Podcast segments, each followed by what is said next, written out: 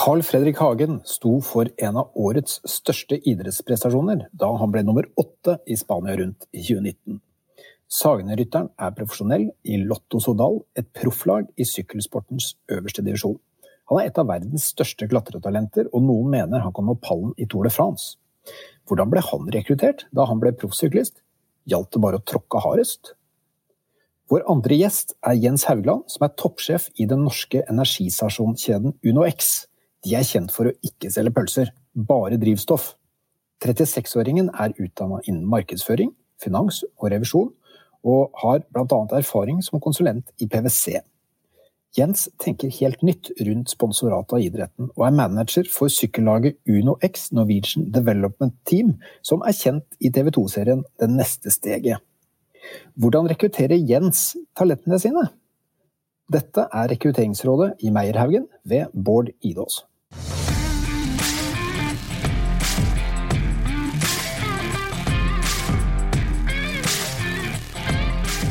Velkommen til Rekrutteringsrådet, Meyer-Haugens podkast om rekruttering. Jeg heter Petter Meyer. Og jeg heter Sverre Haugen. Dette er podkasten hvor vi samler smarte folk for å drøfte hvordan vi kan gjøre rekruttering bedre. Hjertelig velkommen til Rekrutteringsrådet, Carl Fredrik og Jens. Takk, takk. Hvordan står det til på hjemmekontorene? Jo, jeg har vel et litt annerledes hjemmekontor enn hva Kalle har, men uh, her, er det, her, er det, godt og varmt og fritt for uh, både snø, regnvær og sol, egentlig. Denne podkasten spilles jo inn digitalt, så, og vi eh, til lytterne der ute da, vi kan se hverandre. Men jeg kan jo se at Jens han sitter på hjemmekontoret sitt i Nittedal, og du Karl Fredrik, du sitter på hjemmekontoret i Oppegård. Men du har vel egentlig en konkurransefordel i disse dager, fordi du kan være ute og sykle, i motsetning til spanjoler som må sitte inne? Ja, vi, vi som bor i Norge, vi er jo sånn sett heldige tatt denne litt kjipe situasjonen i betraktning. Altså, vi, vi, kan jo være ute fritt og trene det vi ønsker og trenger, og ikke så veldig mange restriksjoner på sykkelsetet. Så sånn sett er vi kjempeheldige. Og, og jeg, jeg, føler meg privilegert som kan ha utekontor så å si hver eneste dag. Bra. Eh, denne podkasten skal vi snakke mer om rekruttering og utvikling, og litt mindre om trening. Vi skal komme innom det også. Eh, men for å begynne med deg, Jens. Eh, noen av oss følger jo denne Uno X-serien på TV 2. Og du har sagt at Uno X ikke ser på seg selv som en sponsor, men som en eier av en forretningsmodell. Mm. Dette er litt nye tanker. Kan du fortelle om din visjon for Uno X? Ja, den er jo, eh, den er jo det at uh, vi ønsker å være kjent for å være en virksomhet som er veldig opptatt av det verdibaserte. Det betyr at vi har et veldig iboende positivt menneskesyn som tror at får vi tak i de riktige menneskene og setter dem til en, en rolle som de har potensial innenfor, så Eh, skal vårt system og vår struktur eh, forløse det potensialet på en måte som eh, forhåpentligvis få klare. Og Det er min tilnærming til å drive forretning av UnoX, og det er min tilnærming til måten å drive sykkellaget UnoX på. Fordi du er eh, sjef for både bensinstasjonskjeden og for sykkellaget. Ja, det er riktig. Jeg liker å si energistasjon, fordi bensin er, er bare én av, av, av, mye vi selger, for så vidt. Eh, men, men det, jeg har en, en, delt rolle der jeg er daglig leder i UnoX Norge, det ubetjente automatselskapet. Og så er jeg daglig leder og formelsett for sykkellaget. Så Standardspørsmålet blir hva, hvor mye prosent bruker jeg på hver av delene. og Da bruker jeg som regel å svare med at lidenskap ikke kan benevnes i stillingsprosenter. Så det er mer en, en livsstil enn en jobb, sånn som jeg ser det. da. Men Sykkel- og bensinstasjoner, hvordan henger dette egentlig sammen? Nei, Det er et godt spørsmål, og det er jo mange som har utfordra nettopp på det. Men det er sånn at um, merkevarer da, som har lyktes innenfor idrett, har valgt, tror jeg, å ta en, eller synes jeg har tatt en veldig tydelig posisjon rundt den idretten man ønsker å være med på, og så har de stått i det himla lenge. Kalle representerer jo selv faktisk med Lotto Sodal merkevarer, som jo i Belgia har vært med i sporten i mange herrens år. Uh, hvis du tar f.eks. Uh, Skoda, som du kan linke opp til, til hockey og ikke minst sykkel og Tour de France, så har jeg den samme drømmen for UnoX. At uh, vi i Skandinavia og, med vår verkevare og våre utsalgssteder skal bli kjent for å være et merke som bidrar til energi til mobilitet gjennom at vi driver drivstoffsalg. Men at vi også har en enorm forkjærlighet for sykkel. Og det med å selge bensin og diesel i dag, det kan jo være noe fullstendig annet om 10-20 år. Eh, men jeg tilbyr energi til et mobilitetsbehov som er der, og eh, ønsker å, å bygge noe større enn bare det rundt selve merkevaren vår. Så Det kommer jo til uttrykk gjennom sykkellaget og sykkelprosjektene våre. så Grunnen til at jeg er veldig opptatt av å si at vi ikke sponser og at vi eier, det er jo faktisk fordi at vi faktisk òg gjør det. Vi, vi sender ikke pengene av gårde til noen andre. Det er jeg som svarer for både bruken av verdien vi skaper eh, innenfor sykkel, akkurat som jeg svarer for det samme når jeg bygger en ny stasjon. Eh, så For oss er dette bare en del av vår ryggrad og et, et, vårt veldig integrerte system når det kommer på, til å se helheten rundt utvikling av forretningsmodell. Dette er spennende. Dette er vel, eh, det er vel ikke noen andre norske eksempler på at uh, hva skal vi si, sponsoren rett og slett overtar eierskapet for teamet. Det er kanskje Red Bull som er det nærmeste eksempelet internasjonalt? Ja, de er i hvert fall Det er vel ingen som er klare å se som har i så stor grad tatt eierskap til konseptene sine og utvikla dem gjennom for deres eh, vedkommende kaller det ekstremsport, da, veldig tydelig, men også de har dratt den langt med med, med fotballag og andre eh, egne mediehus osv. Det, det er jo en helt annen skala. Men eh, måten å tenke på og bare si at det er ingen andre enn vi sjøl som eier vår egen merkevare, den tiltaler meg. Fordi det gjør at du, du, får opp beslutningshastigheten og du får opp beslutningskvaliteten i utøvelsen av den merkevaren du uansett selv skal svare for. Så det, det, er jo ikke Jeg sier på ingen måte at det eneste farbare vei, men håndtert det riktig innenfor et, et, et, veldig solid konsept, så tror jeg det er en, en eh, annerledes og litt freidig måte å løse det på. Og Så skal vi snart eh, slippe til eh, Carl Fredrik her også, men det er jo interessant. Det du sier det er at sykkellaget til UnoX, det, det er selve markedsføringen, det.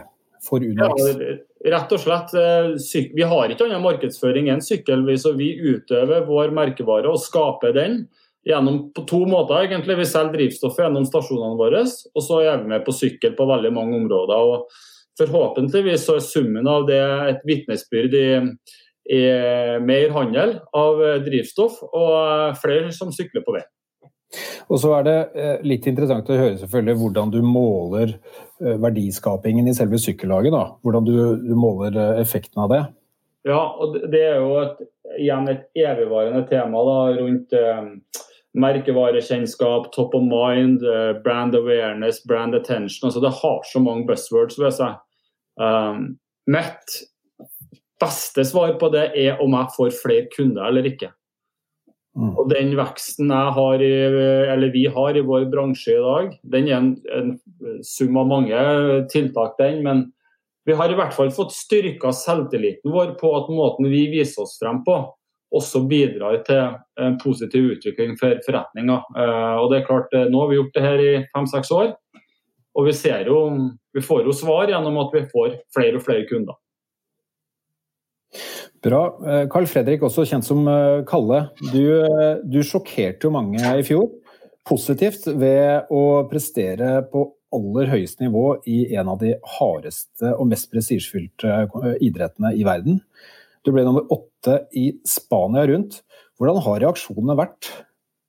Nei, det har jo vært utelukkende mye positive reaksjoner på det, og mange som jeg var veldig overraska, inkludert meg selv. Jeg hadde jo aldri i verden egentlig drømt om sånne resultater så tidlig i proffkarrieren. Eh, jeg eh, gikk inn i mitt første år som proff med ganske stor ydmykhet og en visshet om at eh, det ville bli fryktelig tøft og ville kreve veldig, veldig mye. Og kunne ta lang tid før jeg i det hele tatt kunne få muligheten til å kjøre for egne sjanser. Og å få, få, gode resultater selv. Eh, så fokuset mitt var egentlig helt fra første løpet å bare hjelpe laget mest mulig. Men så var jeg heldig og fikk noen muligheter eh, gjennom sesongen. Og jeg følte selv at jeg grep hver eneste mulighet jeg fikk, og tok eh, steg hele tida. Lærte masse nytt både på det fysiske og det psykiske. Og, og hadde selvfølgelig sikkert også litt flaks og litt dyktighet. Og da var det i Spania tre egentlig perfekte uker for min del, hvor kroppen fungerte veldig bra, og ikke minst hodet mitt fungerte veldig, veldig bra. Og jeg er nesten vel så stolt av eh, den mentale prestasjonen min i Spania rundt som det fysiske, fordi det var noe som jeg aldri hadde vært med på før, å utfordre meg på den måten. Den, den øh, konsentrasjonen og fokuset som jeg måtte ha i tre uker i strekk, den øh, Det var noe spesielt, og det er noe som du nesten kun får testa ut også gjennom å kjøre en Grand Tour. Jeg har aldri vært i nærheten av noe sånt i et ukesritt. Du har vært på forsiden både av DN og Finansavisa, TV 2 og Eurosport følger deg tett. Har du blitt kjendis nå, eller? Jeg ser på meg selv som, eh, som egentlig bare Carl Fredrik, ja. og jeg tar meg selv i hvert fall ikke noe mer selvhøytidelig. og Jeg er bare meg selv, så, men jeg merker jo at uh, at i hvert fall sånn på lokale plan hjemme og når jeg er ute og sykler og sånne ting, så er det jo en del som drar kjennskap, eh, spesielt når jeg har på meg eh, lottotøy og sånne ting. Så det, det, har jeg blitt vant til, men eh, jeg ser ikke på meg selv som noe, noe stor kjendis. Det måtte i så fall være en sånn EF-kjendis eller noen sånne ting. Så jeg har beina godt planta på jorda. Uh, litt om uh, din arbeidsgiver, fordi du sykler for et lag som heter Lotto Sodal. Uh, og for til lytterne våre å forklare nivåene i sykkel, så sykler Lotto Sodal de sykler i skal vi kalle det førstedivisjon, eller øverste nivå. Mens Uno X sykler på nivået under. Så det blir litt sånn Premier League og Championship, bortsett fra at disse seriene er jo globale. De gjelder over hele verden. Eh, kan du bare fortelle kort, eh, Kalle, hvem er det som står bak Lottos Lotto Sodal? Nå vet vi litt om hvordan Uno X er finansiert, men hvordan er Lotto Sodal finansiert? Lotto Sodal er jo, mm, eies jo egentlig av, av et du kan kalle det et selskap som heter Captain of Cycling. Og Captain of Cycling består av forskjellige eh, styremedlemmer, eh, hvor stort sett det er én til to representanter fra eh, hvert av hovedsponsoratene eh, fra de firmaene, samt noen eksterne sånn, eh, som general manager og og CEO-en, John DeLang, som det er, en, det er en gjeng med, med folk da, som sammen styrer et selskap da som eier laget, som vi da får lønn igjennom. Eh, og så er det forskjellige sponsorer inn i laget. Vi har de to hovedsponsorene som er tittelsponsorene i Sodal og Lotto. Og Lotto har vel, så vidt jeg vet, vært med siden starten av 80-tallet eh, som sponsor til laget. Og det er ganske unikt i eh, idrettssammenheng å ha en så trofast sponsor. Og så har eh, eller altså andre tittelsponsoren har variert litt ut ifra eh, forskjellige år. Og nå er det Stodal som har vært i flere år og har også sagt de skal være med i flere år til. Eh, og så har vi flere delsponsorer under der igjen, som eh, også betaler betydelige summer med penger, men som ikke har navnet sitt i laget. Riktig. Men, men disse er da, i motsetning til UnoX, så er dette sponsorer som har navnet sitt på drakta og som støtter dere, mens det er et annet eierselskap i, i selskapet? Ja, altså de som eier oss er jo på en måte satt sammen av flere interesser. Så, og det er helt klart at her eh, i forhold til UnoX så, så ser jo på en måte eh, sponsorene til Lotto Sodal på dette som ren markedsføring. Altså de skal ha value for money i form av synlighet, eh, istedenfor å føle, føle, noe sånn rent eierskap til det. Men samtidig så er det jo eh, ledere, eh, om det er dagliglederne i firmaene eller om det er markedssjefene i firmaene, som også noen av de er med i styret til Captain of Cycling. Så de har jo et slags eierskap også til laget. Men det er ikke som UnoX hvor det er én eier som på en måte styrer alt sammen. Og jeg vil jo anta at den situasjonen som vi står i nå, med et, virus, et globalt virus, antagelig har påvirka eh, sponsorene både i Uno X og i Lotto Sodal. Eh, er det permitteringer i, i begge selskapene deres? Altså både i Uno X, både du Jens og, og Kalle kan kommentere på det. Ja, jeg kan kommentere på det. Vi, det skal også sies det, Man må ha med seg en situasjon der at laget til Kalle opererer under et, et, en annen totaløkonomi enn hva vi gjør. og Da spiller du Champions League kontra førstedivisjon, så er det også noen andre summer ute og går her totalt sett. Eh, så Det gjør jo at det, det er litt enklere for oss å klare å drifte et lag på vårt nivå òg, eh, fordi vi er litt lavere i sum. Men vi har sagt det at eh, vi er så avhengig av å ha staff og ryttere som uh, går på jobb og trener, ikke minst. Strukturert, systematisk etter en plan. Uh, det ville ha vært uh, nesten uansvarlig av oss å si det motsatte når vi, tar, når vi, ser at vi skal være et utviklingslag. Så vi har sagt det at vi, mener mener at eh, vi, vi, setter folkene våre i en situasjon der det er arbeidsplikt, og da har vi jo heller ingen juridisk rett eller økonomisk rett for den saks skyld til å permittere noen som helst. Uh, og det det er, det standpunktet vi har valgt å ta i den situasjonen vi står i. Uh, men jeg er veldig ydmyk for at andre lag opplever det her annerledes. Også. Hva med deg, Kalle? Er hvordan er eh, laget rundt deg påvirka av den situasjonen? Eh, Lotto Sodal er egentlig ganske mye påvirka, eh, kan jeg si. Vi har hatt mye permitteringer i alt av støtteapparat, samt rytterne har gått ned i lønn.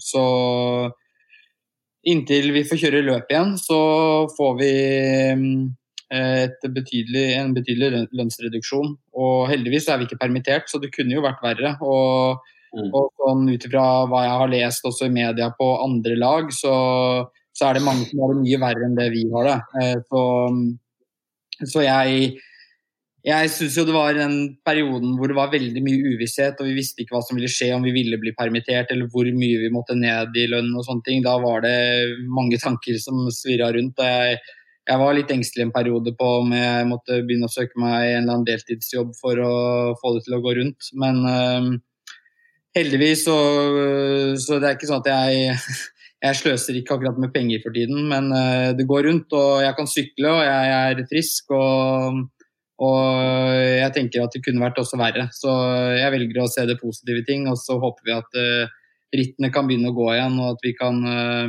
etter hvert få alt av støtteapparat tilbake i jobb, og at eh, rytteren også kan få fulle lønninger. Høres ut som et fornuftig perspektiv, det.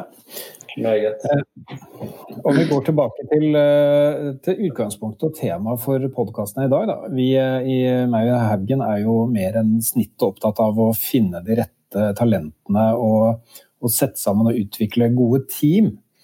Kanskje du Jens, kan fortelle litt hvordan du har gått fram for å rekruttere gode ryttere til laget ditt. Jeg vet at eh, UnoX har eksistert i, i fire år, eh, mm. men så har det da i 2020 tatt et steg opp én divisjon. Mm. Hvordan har du funnet de flinke folka?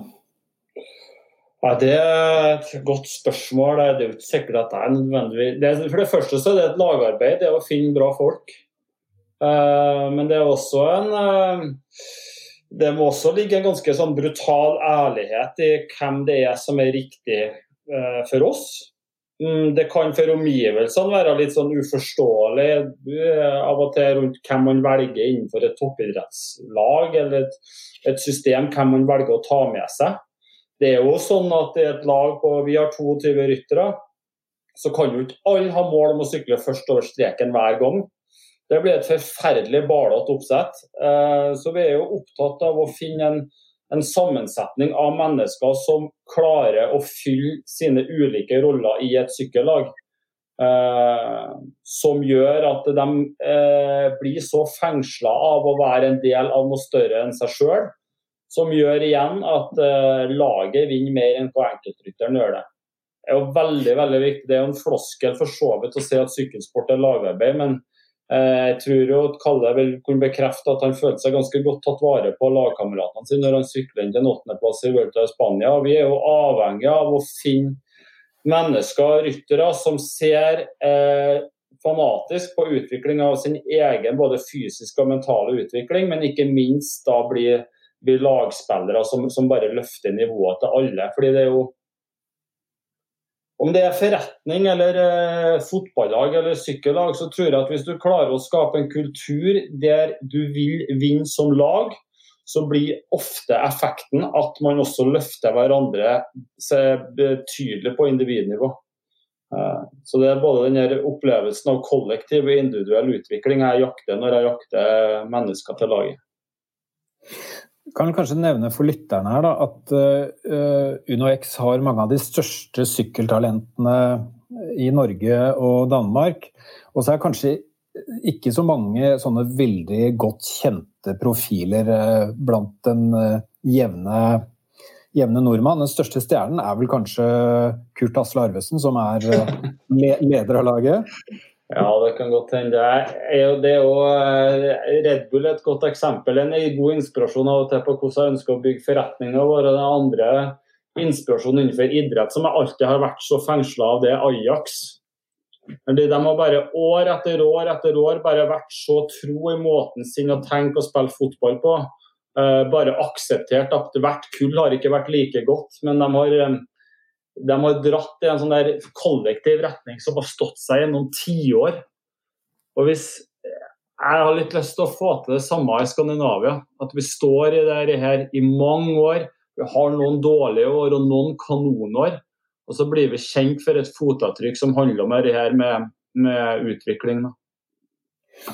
Det er en veldig attraktiv uh, misjon dette, da, Jens. Uh, men kan du si litt mer eh, konkret om hva, hvordan ser arbeidsmarkedet ut fra, fra deg som eh, arbeidsgiversiden? Da? Hvordan ser det markedet ut? Er det mange å velge der ute? Og du sa du la vekt på dette med, med team. Men er det andre ting enn wattmålinger du legger vekt på når du skal finne det beste? Ja, det håper jeg blir kjent for. Hvis jeg blir kjent for å se på wattmåleren til folk når vi velger ryttere til laget, da tror jeg laget får alvorlig problem. Uh, det, er ikke noe tvil om at det fysiske er jo noe vi vektlegger og som må være i bunn. Uh, men hvis vi ikke treffer på hoder som har holdninger når det kommer til trening, holdninger til hvordan du spiser, holdninger til hvordan du aksepterer at du har ulike roller i laget, avhengig av hvordan ritt du sykler, eh, så blir det veldig fort eh, feil. Og Det er, jo det, det det vi prøver så godt det lar seg gjøre, gjennom å observere rytterne i rittsammenheng, snakke med trenere, fange opp eh, kanskje litt ting bak teppet som ikke alle er klar over at vi fanger opp, som gjør at det, summen av blir, her blir at vi har et ganske godt inntrykk av, av utøveren. Eh, og så jakter vi jo gjerne dem som ikke alltid er aller best, men som plutselig kan vise seg å skjøte fart fordi de har noe i bunnen som veldig få andre har. Og Har du hatt det litt stritt i starten, hatt litt motgang, vært litt bak, så kan det hende at du har utvikla egenskaper som gjør at når du er 28 år og sykler i Spania, så er du livsfarlig. I positiv forstand. Ja. du ser etter potensial, med andre ord. Ja, gjør det, da. Eh, men Kalle, eh, kan ikke du fortelle litt, hvordan ble du headhunta til eh, Lotto Sodala? Ja, det, det er en det er en historie bak eh, hvordan jeg, jeg kom meg inn på, på, Lotto. og Det er ikke til å legge skjul på at uh, det å komme seg inn i worldturen uh, på egen hånd uten hjelp fra folk som kan gamet, det er ikke lett. Vi har hatt faktisk noen eksempler i, i Truls Engen Korseth og Sindre Lunke som klarte å fikse seg worldturkontrakt på egen hånd ved å sende litt mailer og, og kanskje ha litt flaks med timing og sånne ting, men de, de klarte det. Um, men jeg har, eh, som veldig mange andre, en agent som, eh, som jobber for meg, og som har kontakter med stort sett alt av lag på både World Tour-nivå, men også på det nivået som UnoX kjører kjøre på. Og, og han begynte jeg å prate med og, og fikk, eh, fikk, en dialog med han på våren eh, siste år midt i, i, Joker. Så det var jo våren i, i 2018. Eh, og han eh, begynte å se på litt eh, forskjellige mm, muligheter eh, etter at jeg har hatt en ganske bra vårsesong med med fjerdeplass i Tour of Norway og tredjeplass på siste etappen og hadde vunnet sammenlagt Tour de Jura. Og det var flere lag som hadde fått, uh, fått opp øynene. Og han var i Tour de France. Og det var uh, i Pyreneene på en hviledag etter at Roglic hadde kjørt veldig, veldig bra på noen etapper. Og han kom i kontakt med de som var sjefen i Lotto Sodal. Det var jo noen andre sjefer enn de som er nå, men de hadde et møte og kom eh, tilfeldigvis inn på det å prate om Primoz Roglic. Og, så, og det var ikke i utgangspunktet et møte om, om, meg i det hele tatt, men så sa Mathia at han visste om Han hadde en nordmann som, som var litt samme som Roglic, en som hadde starta sent, hadde drevet med vinteridrett og hadde veldig god kapasitet. Eh, Mangla mye erfaring, men det var potensialet. Og og de eh, syntes det var veldig interessant. Og mm, uken etter så fikk jeg en mail fra Lotto om at eh, de var veldig interessert. Og at de etter hvert, eh, når ting hadde roa seg etter toren og sånne ting, at de ville komme med et kontraktsforslag. Og mm, jeg husker det var rundt det var første uka i september det året, rett før Richterveldet, som jeg skulle kjøre som oppkjøring til VM i Innsbruck. Da møttes jeg og Mathia på flyplassen i Brussel, og vi kjørte sammen til hovedkvarteret til Lotto og signerte kontrakten der i starten av september. Ja, Flott.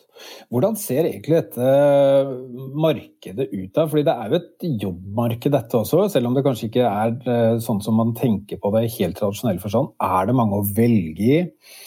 Må man banke på mange dører?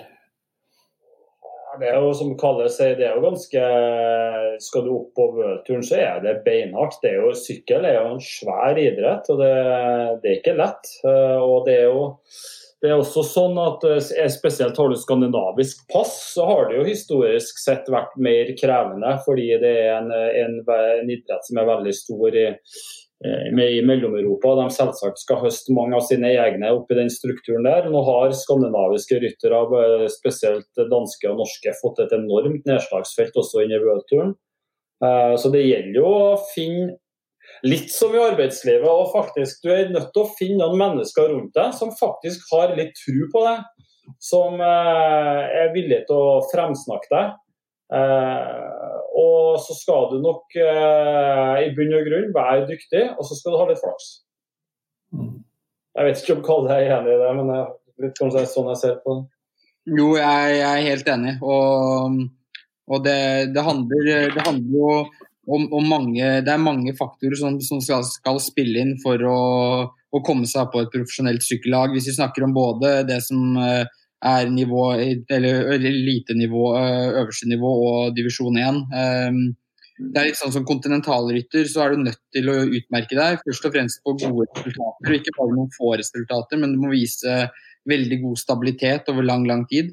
Men så handler det veldig veldig mye om også det der, eh, menneskelige perspektiv. Hvordan du er som person, og hvordan personligheten din er. Eh, hvordan du er som lagspiller. og og hvordan du passer inn i en gruppe. Og Det er også viktig å få frem at det, er, det gjelder akkurat samme måte som UnoX jobber på med å finne ryttere. Sånn er det i worldturen også. at Det hjelper mm. ikke å ha sinnssyke tester, O2, et O2-opptak som er på 95 hvis du er en idiot av en person. Da kommer du aldri inn på det laget. Så det handler veldig mye om at du må passe inn i en gruppe med ryttere som alle ønsker det beste for laget. Selvfølgelig har vi individuelle målsetninger om å lykkes og se lavest mulig nummer foran navnet vårt på resultatlista. Men samtidig så er det ikke det som er førsteprioriteten. Uh, førsteprioriteten er at vi skal lykkes som en gruppe. Og da gjelder det ikke heller bare en gruppe med ryttere, altså de syv rytterne eller seks rytterne som kjører det og det rittet. Men det handler om at vi skal lykkes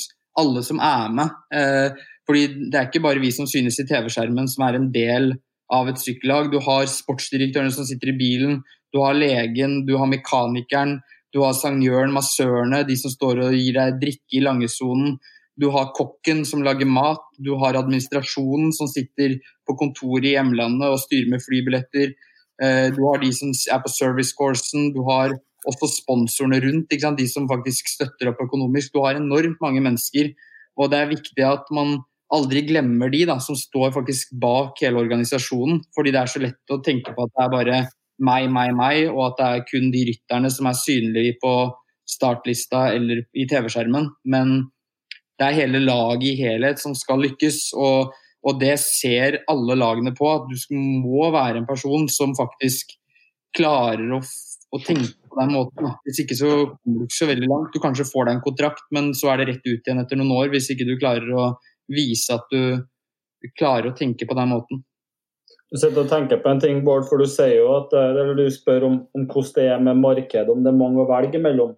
På en mm. måte så er det jo ja, det er jo mange å velge mellom. Men når du først har funnet en du vil ha, eller noen få du vil ha, så vil du ikke ha så mange andre.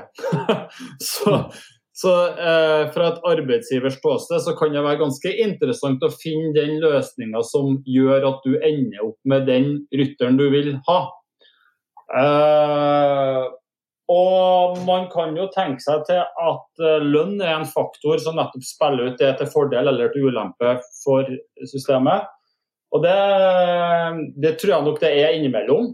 Uh, samtidig så tror jeg at det beste matchene i forhold til det å finne dem man vil ha, og få dem, så er det fordi at man treffer på en balansert faktor rundt lønn, men også at man ser at OK, det her er det som eh, passer best inn for meg og matcher best. Uh, vi hadde f.eks. en kjempediskusjon rundt hvor legger vi lista hen for lønn som, med førsteåret som profflag. Og har valgt å være veldig beinhard på det. Men fordi vi har ønska at rytterne skal vite at rammebetingelsene i tillegg er på et veldig høyt nivå. Uh, så det er jo en balansegang som arbeidsgiver i et marked.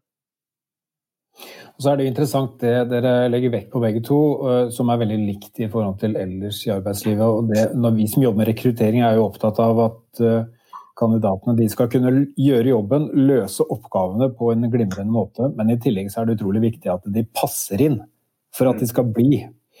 Eh, og, så det er jo interessant å høre mer om hvordan dere jobber for å Eh, å beholde og utvikle det beste. Men aller først, kan du si litt om eh, hvor stort er apparatet i Uno X? Hvor mange ansatte har du på lønningslista, eller har du ansvar for da, på sykkeldelen? Ja, sykkelryttere har vi 22 ansatte sykkelryttere i Norge, Norge, norske og danske ryttere. Og så har vi et, en staff uh, på laget som er ja, 30-ish. Så vi har altså, ja, 50-ish, kan du si. Uh, så det er ikke den skalaen som, uh, som eh, Lotto Sodal har, men det er jo fortsatt et ganske stort system. da. Og vi har bala fælt for å finne den effektive måten å jobbe på. Fordi du har så mange parallelle operasjoner. og et kjempe, En utfordrende greie er faktisk å sette laget og rekruttere ryttere i så måte, fordi vi har sportslige ledere som mange av dem har sterke meninger om ting. Men etter end of the day så kan det ikke være konsensus rundt bordet hver gang vi skal lande en rytter.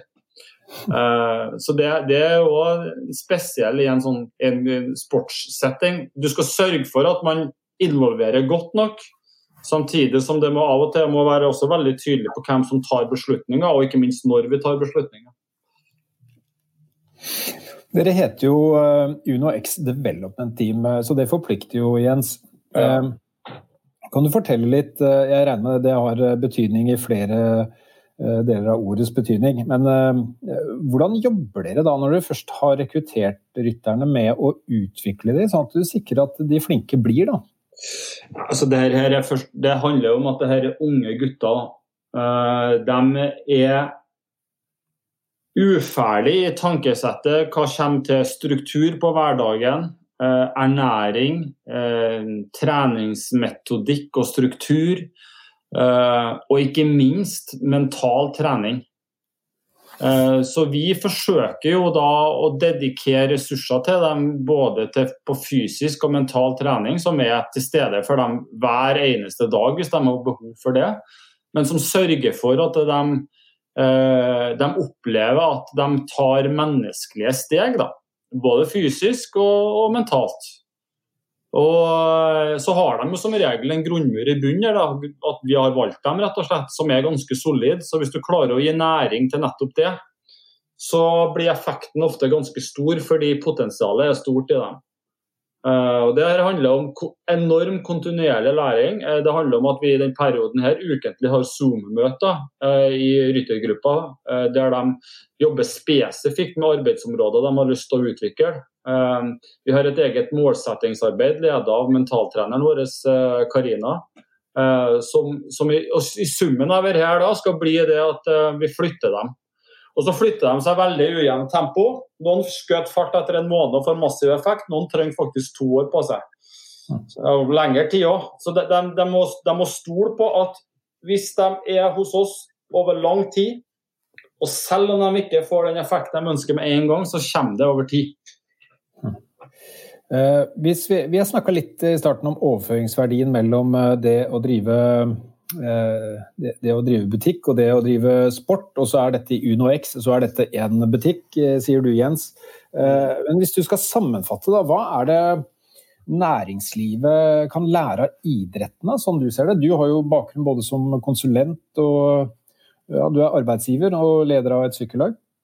Langsiktighet, Uh, veldig Verdien av å tørre å stå i de store beslutningene som gir langsiktighet istedenfor å ta kortsiktig gevinst, uh, eh, syns jeg er en veldig sammenfallende greie. Uh, det, det, er veldig godt med en gang når du lykkes, både i forretning og i et lag, hvis du vet at det, det gikk fort. Men så er det søren meg forbausende ofte man tenker seg at ok, hvorfor tok jeg ikke en beslutning som var litt mer robust på, på vegne av oss på, på lang sikt. Uh, og så er det sånn at vinnerkultur avler vinnerkultur. Uh, så har du en forretning som du opplever at det er medvind, og du etablerer et sykkellag som du opplever du skaper medvind rundt, så, så blir det en bølge. Det blir en snøball som er vanskelig å stoppe. Uh, så den, eh, Det er jo noe, noe, jeg ser på som sammenfallende. Og så er det, det kanskje en annen ting er det her rundt Vi har i dag ansatte og syklister som er like stolt av både stasjonene og syklene og sykkellaget. Eh, det å finne arena der du klarer å sammenfatte nettopp det her med vinnerkultur og stolthet, eh, og ikke minst da langsiktighet, det gjør at du får folk som har lyst til å være med. Eh, som er motivert, som har drive, eh, ønske om å bruke kunnskap og ikke minst tilegne seg ny kunnskap, som gjør at, eh, at vi blir gode i det vi driver på med. Har, har du som, som, sitter som leder for, for, begge delene av virksomheten, tatt med deg helt konkrete erfaringer eller kunnskap fra idrettsdelen over til energistasjonene? Ja, Det er et uh, godt spørsmål. Jeg lever så i det hver dag at jeg, jeg klarer ikke å reflektere rundt det på samme måten som du stiller, stiller det spørsmålet. Um, men jeg tror mye handler om her med hele tida tørre å ta beslutninger. Da. Det, å, eh, det å tørre å opprettholde hastighet Odd Reitan eier jo Unex. Han er eieren av Reitan-gruppen sammen med sønnene sine og er jo eieren av oss. og han, han, Jeg syns han sier det der så vanvittig bra. Fordi han sier det at eh,